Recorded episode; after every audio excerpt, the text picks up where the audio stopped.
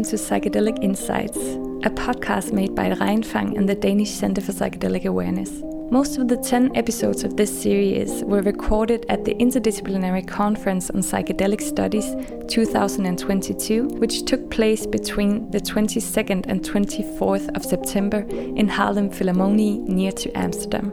In the series, you will meet 10 speakers from the conference who all do research or work within the psychedelic field. Each of them takes different perspectives to the study and usage of psychedelic substances, and our hope is that the episodes will collectively leave you with an impression of the variety of themes and interests currently at play in the blooming interest in psychedelics. If you have never heard about psychedelics but your interest is piqued, then go to the first episode in this series, where we provide a crash course that will get you dressed to the sound journey ahead. As most of the podcasts are recorded at the conference where more than 1,000 people attended, we hope that you can bear with the sounds of coffee machines, piano playing, and other people talking now and then.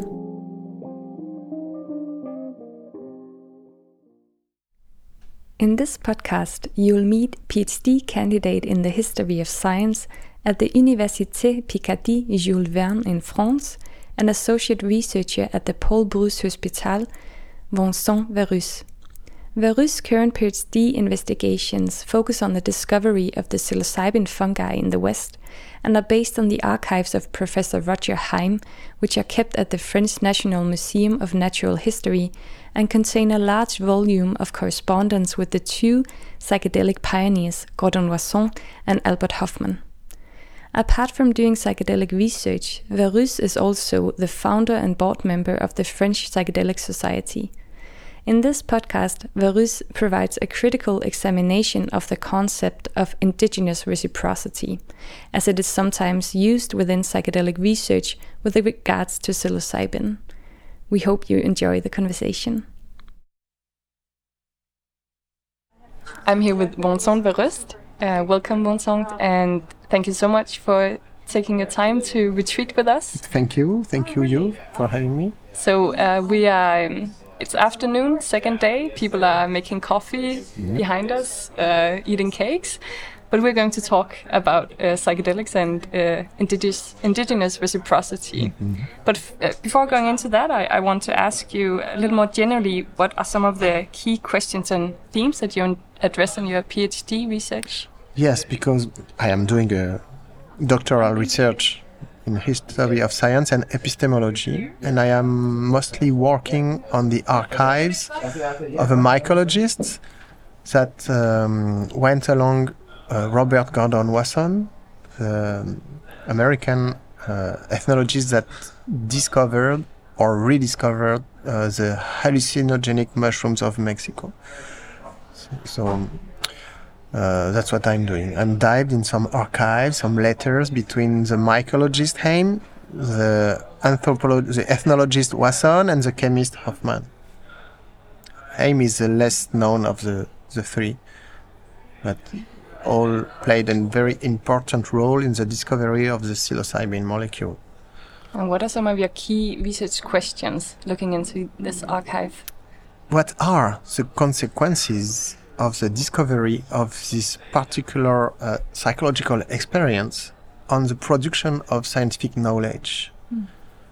Um, and because this mycologist became interested in uh, ethnology, uh, psychiatry, psychology, archaeology, uh, poetry, uh, history of art, parapsychology, as if the um, psychological experience is a generator of uh, pluridisciplinarity, interdisciplinarity, and it kind of really changed his professional career. So yeah, that's a question that I am trying to answer. The consequences and the production of knowledge of the discovery of a new uh, psychological experience. Mm-hmm. Interesting. And these archives and these letters that you are reading, is it some of the material, is it the first time that it's been opened since it was made? Or you talked about a movie as well? Yes, nobody really worked on those archives actually, mm-hmm. uh, from the French part, uh, because uh, the Wasson's archives in Harvard have been uh, uh, investigated by other researchers, in particular anthropologists. But uh, within the field of epistemology and history of science, all the French part mm. is totally unknown to to science yet. Interesting. So, the movie, yes. Yeah, the movie as well because you just told me yes in the previous before break. we yeah. we began the interview i was telling you about um, a fantastic documentary movie uh, finished in 1964 showing uh, the investigations on hallucinogenic mushrooms of mexico uh, showing Maria Sabina in 1961. That's the earliest footage of Maria Sabina. It's not on YouTube, but soon it will be when I finish to translate it in English and Spanish. There are some volunteers eating some mushrooms for science in 59. It's super fascinating and sometimes funny too. I'm not ashamed of saying that, but and yeah, I, uh, the movie was lost actually in the uh, National Museum of Natural History. I knew it existed because uh, in 2000, I had the chance to, to watch a part of it, but uh, they lost the movie. So I spent a lot of time trying to, to find it again, and I did. And now I, am happy to say that I will soon share it with the world uh, once I uh, finish the translation. We're looking forward to that. Yes, yes, you you you, you should. it's fantastic uh, documentary. so I was present at your presentation just a, a, few minutes ago or half an hour ago, which was really really interesting and um, and really got a lot of questions going mm-hmm. within myself, but also within the rest of the audience. I could I could feel, um, but it's a little different from from the research that you've talked about now. The the theme of, of that talk. So mm-hmm. your presentation was titled. Um, Psilocybin intellectual property, roots of psychedelic research, indigenous reciprocity, not that simple question mark Mm-hmm. So maybe can you take us through, like, give us a crash course of of this presentation that you gave? Why? What does uh, uh, how has this concept of uh, indigenous reciprocity been used previously, and why is it not that simple? Well, apparently, uh, this concept of indigenous reciprocity is used as a tool of communication. I would say. Uh, I don't want to be too uh, assertive. But apparently, for me, it is more a kind of neo-colonial um, uh, paternalism than vi- virtue in action. Mm. Because we talk about how we could share the benefit with the uh, owner of the intellectual property rights to hallucinogenic mushrooms. But my point is that there are no rights to intellectual property of uh, using psilocybin. Uh, that's what I've been trying to to say and to explain. Because if you make a lot of money with psilocybin and you you think that it should be shared with the local communities, but who are you going to share with? Who is the owner? Who is the beneficiary of your generosity? And it never happens, by the way. It's just virtue signaling. I'm sorry if it might sound maybe offensive to the organizer of the event because I saw on the first day or, or a paper saying, "Oh, we are all in favor and of indigenous reciprocity." Oops. I'm sorry. I will criticize the concept, but I do it uh, in a friendly way. I hope in a gentle, in a gentle way.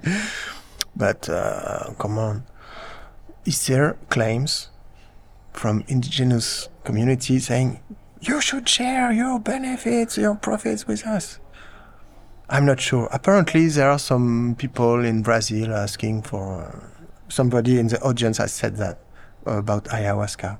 Mm. But for psilocybin, who can claim he's the owner of the uh, rights of uh, intellectual property? Besides, intellectual property is a gringo concept, as I said. And one should not assume that this concept is shared in other cultures. Mm. Uh, this is uh, ethnocentrism. Mm.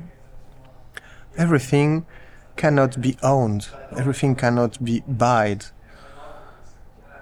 Maybe some people think so, and that we must patent everything, but uh, all cultures do not share this uh, point of view that uh, the living world can be considered as things that you can own. Hmm. That's my point. Yeah, so it's your presentation was a lot about unfolding this ethnocentrism, like the different uh, the, the different ways of, of thinking and of living and of being the different epistemologies and ontologies in these different contexts, and that we cannot just assume and label on our own terms in other communities without having them involved in the process as well. Yes, and it, it is also a bit condescending Mm. to indigenous peoples. It's like treating them as children or people that should be taken care of without even trying to know them or to listen to them. And this is not ethical. And it's, it is quite, quite a, a paradox, isn't it? Because indigenous reciprocity is about ethics. Mm. But speaking uh, in the place of other people, I don't think it is ethical. So you also mentioned biopiracy Mhm. in your presentation because somebody has claimed that the first Westerners who went to the Mazatec communities in, in South America that they were uh, pirates, biopirates. Yes, biopirates, but they were not. they were not. Can you explain a little further uh, your point here? Yes, of course. So the the Western world got to know the hallucinogenic mushrooms thanks to Gordon Wasson. There were uh, also some Westerners in the 30s that wrote a bit about what happened with uh, inebriating mushrooms, but outside a small circle of uh, learned persons of uh, scientists, nobody knew about uh, the, the, the sacred mushrooms of Mexico. It is Wasson that made them widely known, and he collected samples that he sent to France to Roger Heim, a mycologist, and Roger Heim sent them to Switzerland, where they have been able to identify the active compound and made a drug of it, uh, indocybin, that has been tested, and now psilocybin. Uh, indocybin is a commercial name of psilocybin. So some say this is a story of extraction, cultural ap- appropriation, and um, uh, dispossession. But the intention of Wasson was not to find a new drug for psychiatry. He was just looking for the origin of the religious feeling in humanity. And he went to Mexico uh, because he heard about this uh, persistence of uh, practices around mushrooms, and he was already fascinated by mushrooms and the relationship with, between people and mushroom ethnomycology in the world. He was not a biopirate looking for a new drug, nor was a mycologist. He was just passionate about mushroom, uh, describing new species or identifying uh, the useful uh, species of the local community. So he didn't really make profit from uh, psilocybin as to Hofmann, the chemist who discovered and synthesized psilocybin. Okay, he, he created the patents uh, that he shared with uh, Heim and Wasson, but once he realized he has finished his chemical work, he let the patents lapse. He asked Heim and Wasson, should we let the patents on psilocybin lapse? And they said yes. So it's not, uh, it, it was fair from their part, and it, it was for the world. So the narrative uh, that says that, oh, biopiracy, no, that's simply not true. I am not the uh, lawyer or how do you say advocate or of these those guys, but these are facts. So with this, the history of psilocybin, precisely, yeah, Yes. that's that's your claim. I, I wanted to to then ask you because uh, so you you're critical of this concept of indigenous reciprocity as it's often used within this community. What is your alternative then? Is there an alternative Uh, if we want to give back? Uh, yeah, so it's so simple. The rich should share with the poor. We should fight against uh, injustice, economical injustice, and we should fight for uh, the conservation of biodiversity. It has nothing to do about uh, those people use psychedelics. We should repair them for the. No, we should make a better world anyway. it has nothing to do with, oh, look, they are taking some ayahuasca. We should uh, help them and compensate for it. No, this is, makes no sense. We should help people that need help. But first, do they really need help and what kind of help do they need? Mm, Not too fast on on those kind of uh, action, but that the rich should share with the poor. This is basic uh, moral, I think. No. Yeah. yeah. so it's very simplistic. you also you also mentioned uh, at your presentation uh, we should give the microphone to indigenous people sometimes and Yeah, not so- speak on their behalf. Exactly. Yeah. That's my point. I refuse to speak on behalf on the indigenous people, but I asked some question to a person in Huautla de Jimenez, who, in my opinion, is used as the token Mazatec guy in some publication about uh, indigenous reciprocity or intellectual rights. So I asked him, what do you think about indigenous reciprocity? And he was totally agree. Uh, he, he was totally agree with me and he said, yeah, we are used in their discourse, but what we need is uh, support for our struggles, and the, they need to defend their territory or something like that. But this is true for uh, a lot of different people that don't use psychedelics too, and that deserve maybe international solidarity too. But international solidarity is quite tricky. A lot of people, uh, young people, particularly from the Western countries, oh, I want to go to Africa to help them. Uh, it's, it's, it's, uh, not so simple. And when they go to Africa, "Ah, I want to help you. Help me. What? what? Uh, it's it's uh, it's not so easy, and we have first to maybe get to know each other, and yeah, be aware of maybe how we eat, how it impacts other uh, people's way of life. If we send uh, powdered milk to Africa, it's not good for the local uh, milk producer, for example. Yeah. This is more important than sharing uh, benefits from psychedelics, which will never happen to people who use them. Maybe leave them alone. No, that's my point. Yeah. I have a final question related to this, uh, I guess. Um, do you have any hope or advice for future psychedelic research? Something you think Oh. should be a consideration that we take with us, Oh. never mind what discipline we work in? Hmm. I would love psychedelics to be used as tools for scientific and philosophic exploration. Maybe gather some physicists, uh, theoretical uh, physicists, or mathematicians. We dose them in a good setting with a good preparation and see what happens for science and mathematics and physics. Yes, that would be great. That's a pretty nice and uh, and thought-provoking answer. thank, you. you. so much, Vincent. You're welcome. Uh, Verroust. You're welcome. And um, yeah, thank you for taking time to, to do this interview. My pleasure.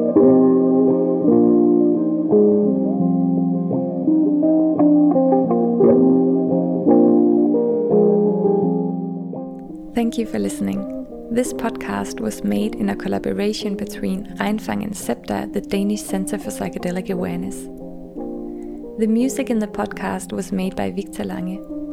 Thank you to the Open Foundation for organizing and funding the ICPR conference and for providing us with a quiet space during the conference days for during the podcast recordings.